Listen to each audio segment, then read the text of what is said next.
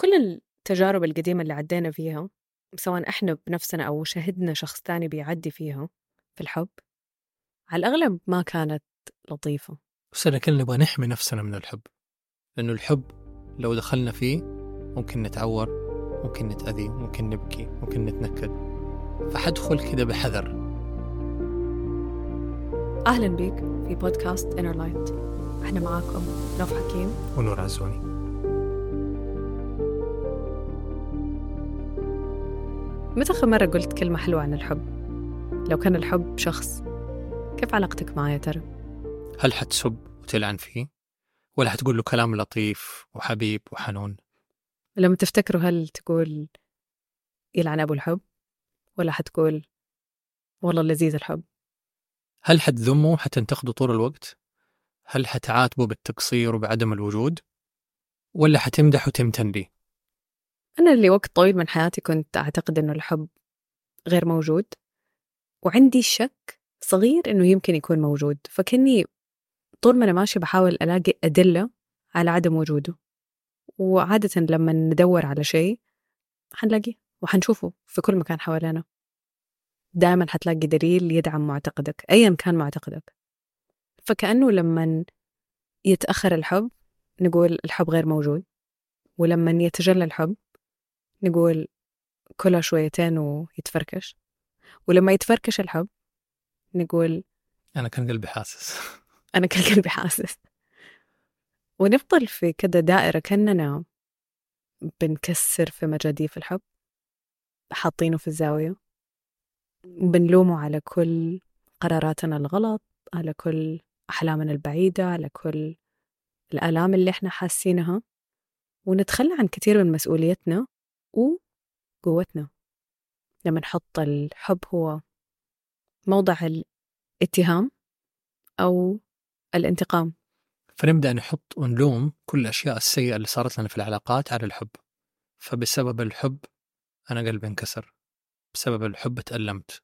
بسبب الحب اتفركشت حياتي ولا ضاعت فلوسي. وقد تكون هي سوء إدارة للعلاقة. سوء إدارة للحوار سوء إدارة للحب ويمكن يخطر على البال إنه هل الحب يحتاج له إدارة ولا هو أصلا شيء فطري إحنا ننخلق به وعارفينه ونكمل عليه كده زي ما شفناه في الماضي. هل الإنسان أصلا مولود يعرف حب؟ ولا هو مهارة مكتسبة لازم نتعلمها؟ إيش برأيك؟ أنا أعتقد أنه هي خليط من الاثنين. في شيء فطري نابع من احتياج بالتقائنا بالآخر. نبغى نكون مع أحد بحكم أنه إحنا كائنات اجتماعية. نقدر نأكل لحالنا بس لو أكلنا مع أحد الأكل يصير ألذ. نقدر نتكلم مع نفسنا لو تكلمنا مع أحد الكلام يكون أعمق. نقدر ننام على سرير لوحدنا بس لو نمنا جنب أحد في حميمية وفي لطف يصير غير لما أكون لحالي. فأعتقد أنه خليط. جانب منه فطري وجانب منه مكتسب بتعلم المهارات اللي نحتاج نعرفها لما ندخل في علاقة مع الآخر اللي ما أعتقد أنه إحنا تولدنا بيها. كأنه عشنا النص الأول من حياتنا إنه الحب عيب والنص الثاني من حياتنا الحب واجب ولازم. بس ما في شيء في النص. ما حدا تكلم معانا عن الانتقال ما بين الحب غلط وعيب وحرام وما بين الحب لذيذ وجميل وواجب ومطلب. لأنه في تطرف في النظرة للحب. النظرة الأولى تقول أنه هي رحلة سحرية حتقابل شريك الحياة المثالي وحتعيش معاه في تبات ونبات وتخلف صبيان وبنات. هذا التطرف الأول. والتطرف الثاني يمكن اللي شفنا عليه جزء من أهالينا أو عوائلنا أو مجتمعاتنا إنه هو حبسة وكتمة وخنقة وشغل البيت ولا فلوسك كلها رايحة لمرتك وتربية أولادك وما حيكون عندك وقت لنفسك وللشباب وللديوانية والبلوت والاشياء اللي أبغاها بس ما حد ورانا الواقعية. فلا هذه نظرة واقعية ولا هذه نظرة واقعية. هي نظرة واقع من الناس بس ما أعتقد إنها هي تعمم. بس كأنه إحنا شفنا الحب بهذه الطرفين. ما حد ورانا الطرف اللي في النص المكان المتزن اللي في الوسط. ونعتقد إنه هذا المكان المتزن هو لفئة من الناس بس ما نقدر نوصل له. أو ضربة حظ فجأة تلاقي نفسك فيه بس مو شيء تقدر تسعى لكي تصل إليه. أغلب كلامنا يكون عن إيش حنعمل لما نكون مبسوطين كيف حنحتفل فين حنروح إيش الهدية اللي حنجيبها كيف نستمتع. بس قليل ما نتكلم عن كيف حنختلف كيف حنزعل كيف حنتحاور لما نكون متضايقين. بقرأ كتاب عن الإدارة المالية اسمه I will teach you to be rich الكاتب رميت سيتي. بيتكلم عن prenup. أو العقد اللي تسويه مع شريك حياتك قبل ما ترتبطوا عشان في وقت الانفصال ما يحصل تقسيم للممتلكات حقت الشخص. فالشخص ما يفقد مثلا شركة عنده أو ممتلكاته أو بيت حقه ويتقاسم مع شريكه وقت الانفصال. زي القانون ما يقول في في الولايات المتحدة الأمريكية. بس بيقول إنه كان جدا صعب إنه أتكلم مع شريكتي قبل ما نتزوج عن كيف حننفصل. وقال بدأت الكلام ب أنا أحبك وأبغى أعيش معاكي بقية حياتي وأتمنى إنه ما نحتاج أصلا نتعامل بهذا العقل. ولكن الفكرة هي إنه وإحنا كويسين نتكلم عن الأوقات اللي ما حنكون فيها كويسين. اللي يمكن تجي ويمكن ما تجي. بس حنكون أقدر إنه إحنا ناخذ قرارات واعية ومحايدة وإحنا في مكان كويس. كنا نتفق كيف نختلف لو اختلفنا في يوم من الأيام. هذه واحدة من الأشياء اللي إحنا سويناها. فواحدة من الأشياء اللي كانت جدا تزعجني. تكلمت عنها مع نور في بداية العلاقة إنه القرار حق الانفصال في هذا الجزء من العالم بيد الرجل. نسبة كبيرة. حتى لو في شذوذ لهذه القاعدة بس هذا الأغلب. وكنت أحس إنه كان نفسي يكون عندي نفس الوزن أو الثقل في قرار مصيري يخصني قد ما يخصه. وهذا اللي يؤدي أنه لما تصير خلافات عند بعض الأزواج لو ما كانوا متفقين على الاختلاف ولا ما كانت الحوارات مفتوحة بينهم واحد منهم في الغالب هو الرجل هو اللي يقرر الكلمة اللي نستخدمها في الخليج يقول يعلقها. ماني مطلقك إلى أن ويبدأ يحط شروط يعني قد تكون تعجيزية في الغالب وغير واقعية. لأنه كأنه القوة في غير مكانها في يده. طب ما عملنا حساب أنه لو كان هذا الإنسان متسلط نرجسي عنده مشاكل نفسية ومتحكم يبغى الأشياء تصير على كيفه. بس حينتهي الحال أنه كأنه الحق دائما معه لأنه هو اللي عنده الكلمة الأولى والكلمة الأخيرة.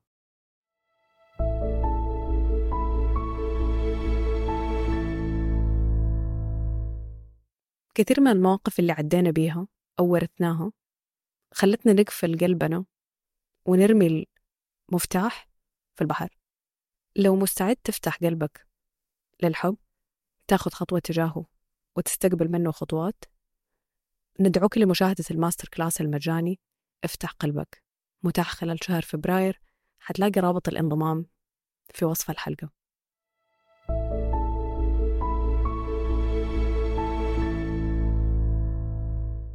لو أنا مطمئن لو أنا واثق ليش أكون خايف أنه أنا أترمي في يوم من الأيام؟ ونفس الشيء يكون لل... للسيدة في العلاقة.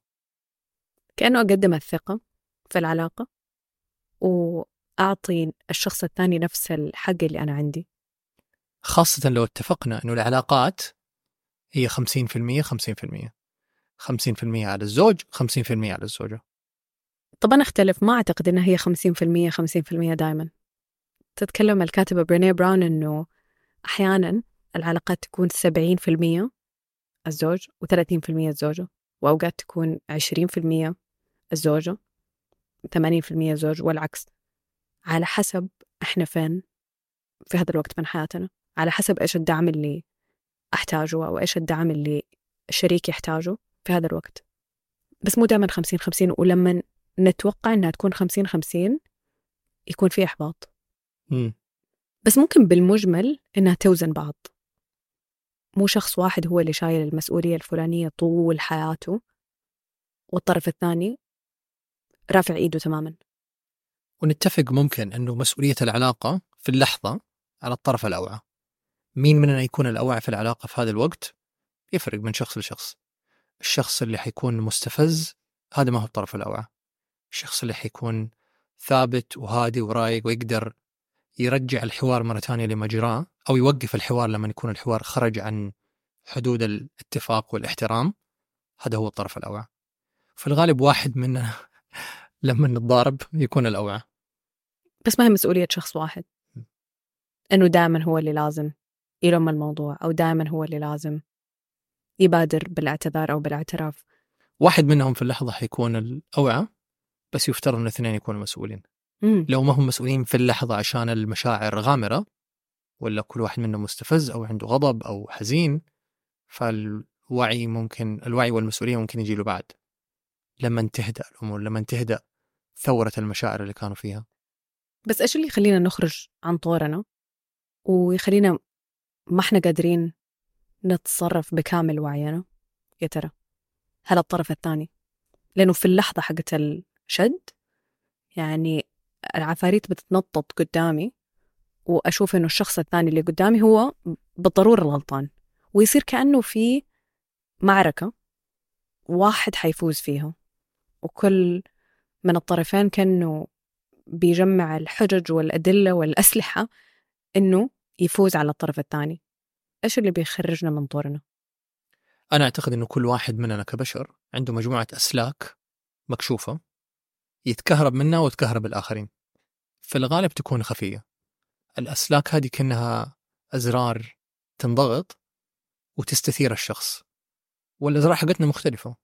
فأحد ممكن تكون الأزرار حقته رفع الصوت لو أحد رفع صوته حينفجر ويثور. أحد ثاني تكون الأزرار حقته الإشاحة باليد مثلا. أحد ثالث الصمت لو كان في مشكلة والطرف الثاني صمت وما بيكلمه لمدة أيام ولا ساعات يتجنن. والأزرار ما لها أول من آخر اللي ممكن نسميها تريجرز أو مثيرات. كأنه بتضغط على زر الزر هذا مربوط ببلاوي مخزنة عندنا في الماضي كلها تسترجع أول ما ينضغط الزر. ونبدأ نتعامل مع شريك الحياة كما لو كان جزء من المواقف اللي صارت لنا في التاريخ وننفجر. هذا واحد من الاحتمالات بس هذا لا يلغي إنه الموقف نفسه كمان يكون مستفز أو الكلمة اللي انقالت تكون مستفزة. الإشكالية تكون لما الزر حق واحد من الطرفين يكون عكس الزر اللي عند الطرف الثاني. والمثال الكلاسيكي إنه واحد من الطرفين يكون عنده خوف من التخلي فيتشعبط والطرف الثاني يكون عنده خوف من الاختناق فيهرب. فهروب واحد من الطرفين يستفز أو يثير الجرح القديم حق الخوف من التخلي عند الطرف الثاني وتفضل كأنها دائرة أو حلقة مفرغة. ونستمر في هذا وقت مرة طويل بمشاعر خارجة عن طورها. وفي أوقات مرة كثير يفضل هذا الشحم على النار أو الإحساس العالي بالغضب أو بالنفور أو بالمتعة. لما نرجع لبعض يخلي العلاقة متأججة كأنها نار والعة سنين طويلة. وإحنا بنرقص الرقصة اللي هي ما هي رقصة شركاء أصلا. رقصة البنت اللي كانت بتدور على أب لكن أبوها كان مشغول وغايب أو قاسي وكانت تستموت بأي طريقة أنها تبغى ينتبه لها ويعطي لها الاهتمام أكثر من أختها وأكثر من أخوها. وبعدين لما يعطي لها هذا الاهتمام هي تحس أنه أنا كذا فزت ويرجع الأب يحس باختناق ويسحب نفسه ونفضل في سلسلة من استنقال المشاعر حقت الماضي للحاضر ونتصرف كبالغين ولكن فعليا اللي بيقود المسرحية كلها أطفال داخلنا.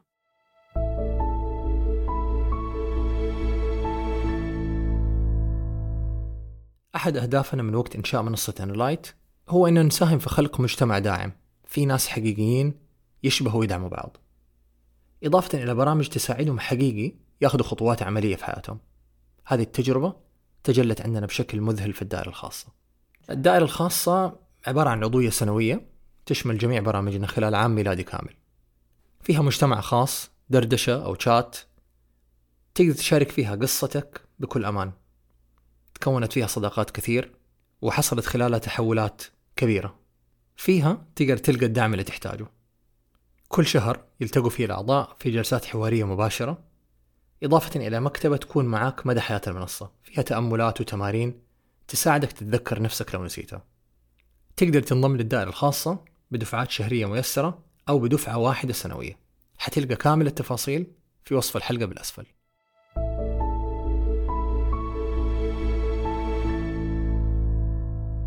من الأمثلة اللي تصير معانا في مجتمعاتنا بشكل كبير لما ما يفرق مين الرجل أو الامرأة في العلاقة فجأة يقرر أنه ما أبغى أنا زعلان ما أبغى أتكلم ما أبغى أكل ما أبغى أخرج معاكي طب ليش؟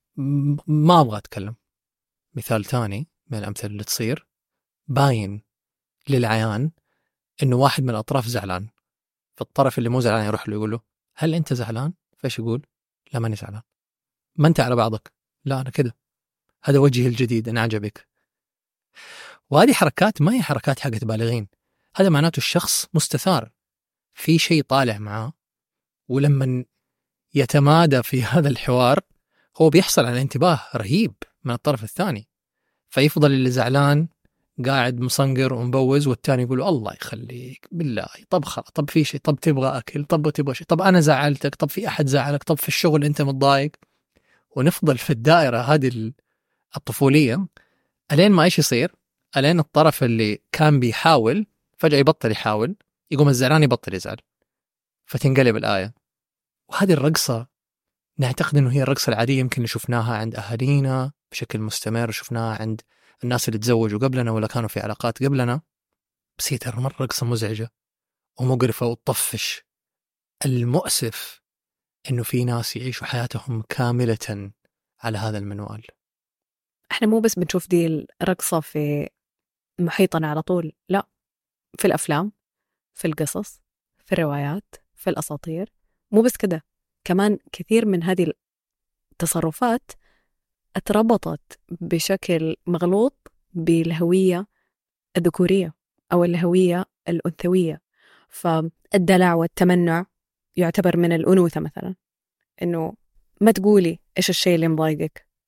خليكي كده تقيلة خليكي زعلانة وقت طويل. خليه يلف حوالين نفسه. وعند الرجال البس يحب خناقه. خنقها من أول يوم كذا أكتم على أنفاسها عشان تعرف مين الرجال في العلاقة. طب ما أعرف ليش. طيب. أو لما يصير في مثلا زعل وغيرة وانهيار وكيف كده تكلميني قدام الناس وينفعل ويجنن ويخرج من طوره. نقول آه هو رجال. بس ما نفكر إنه هل هذا تصرف رجال لما طيح وكسر أشياء وخبص ولا هل هذا تصرف طفل ما عنده تحكم في مشاعره ما نشوفها كتصرفات طفولية بس سميناها على طول إنها هي أطباع ذكورية أو أطباع أنثوية وطبعناها خليناها شيء عادي ومتقبل اجتماعيا وصارت متوقعة لو حتدخل علاقة ترى هذا اللي حتشوفه بس هل فعليا هذا كلام صحيح؟ هل يفترض أنه في العلاقة هذا الشيء يصير؟ هذا مو هو العادي هذه الشاذ من القاعدة. بس كأنه الشاذ من القاعدة صار هو المألوف هو اللي نقدر نتوقعه. ف نبدا نأخذ ونعمم نقول أصلا كل الستات نكدين. أصلا كل الرجال طول الوقت برا البيت. بس هل هذا الواقع ولا هذا الشاذ؟ كل التجارب القديمة اللي عدينا فيها سواء إحنا بنفسنا أو شهدنا شخص تاني بيعدي فيها في الحب على الأغلب ما كانت لطيفة. أو على قولك ما وصلنا منها غير البايخ والبشع والتقيل. فكأنه بشكل لا واعي وغير مباشر قفلنا قلبنا عن الحب أعطينا له تعريف بايخ ومحبط وواهم. ومخيف. بس كلنا نبغى نحمي نفسنا من الحب. لأنه الحب لو دخلنا فيه ممكن نتعور ممكن نتأذي ممكن نبكي ممكن نتنكد. فحدخل كده بحذر. نوايا متعاكسة. أبغى حب في حياتي ولكن الحب حيدمرها بدور على الشريك اللي حيغير واقعي ولكن يمكن يدمره. فأبغى نية وأبغى عكسها. وكني أفضل في النص لا أتحرك يمين ولا أتحرك يسار. لأنه قلبي مكفول عن الحب. ويمكن لأنه المفهوم المخزن عندنا عن الحب هو مو حقنا هو مو الشيء اللي نبغاه هو الشيء اللي بنهرب منه الشيء اللي شفناه في عوائلنا في مجتمعاتنا في قبائلنا وقلنا مو هذا اللي أبغاه بس هذا المفهوم ما زال مخزن فيصير عندي خوف من الحب كيف ممكن أعيد تعريف الحب في عالمي؟ هذا السؤال اللي فضل يلح عليه وقت مرة طويل إيش شكله؟ كيف صفاته؟ إيش ممارساته؟ كيف لغته؟ ويمكن البعض يتوقع إنه هذا الشيء بديهي. أكيد طبعا عارفين إيش هو الحب يعني. ما يبغى ما هي كيمياء يعني. بس يمكن ما سالنا نفسنا بجد إيش معنى أن تكون محبوب؟ وإيش تتوقع من علاقة فيها حب؟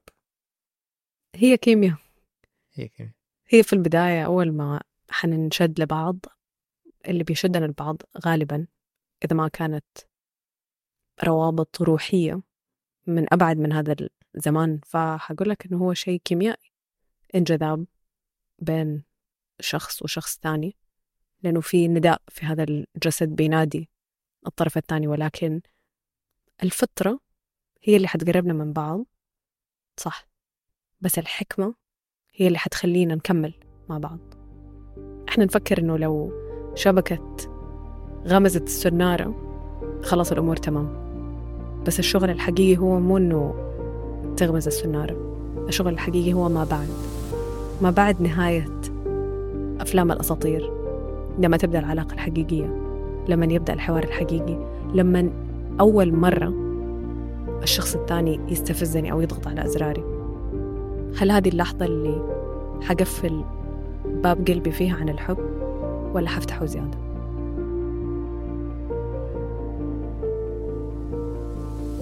لو حاسس نفسك جاهز تبدأ رحلتك معانا؟ تقدر تبدأ بأحد البرامج المجانية. حتعطيك منظور وفكرة عميقة عن اللي بنقدمه. وتخليك تتساءل. لو كان هذا المحتوى المجاني فما بالك بالمدفوع. لو ما انت عارف من فين تبدأ خد لك لفة على مكتبة الشهادات اللي على المنصة. حتلاقي فيها تجارب وقصص الكثير من الأشخاص اللي حضروا البرامج وأكرمونا بشهاداتهم. يمكن قصصهم تلهمك إنك تبدأ قصتك. تابعنا على مواقع التواصل الاجتماعي موقعنا قناتنا على اليوتيوب وحسابنا في انستغرام كلها innerlight.ae إذا لامسك هذا المحتوى ساعدنا بنشره عن طريق مشاركته مع من تحب والكتابة في التعليقات والتقييم على أي منصة بودكاست بتسمع منها. كنا معاكم نوف حكيم ونور عزوني. نشوفك في الحلقة القادمة.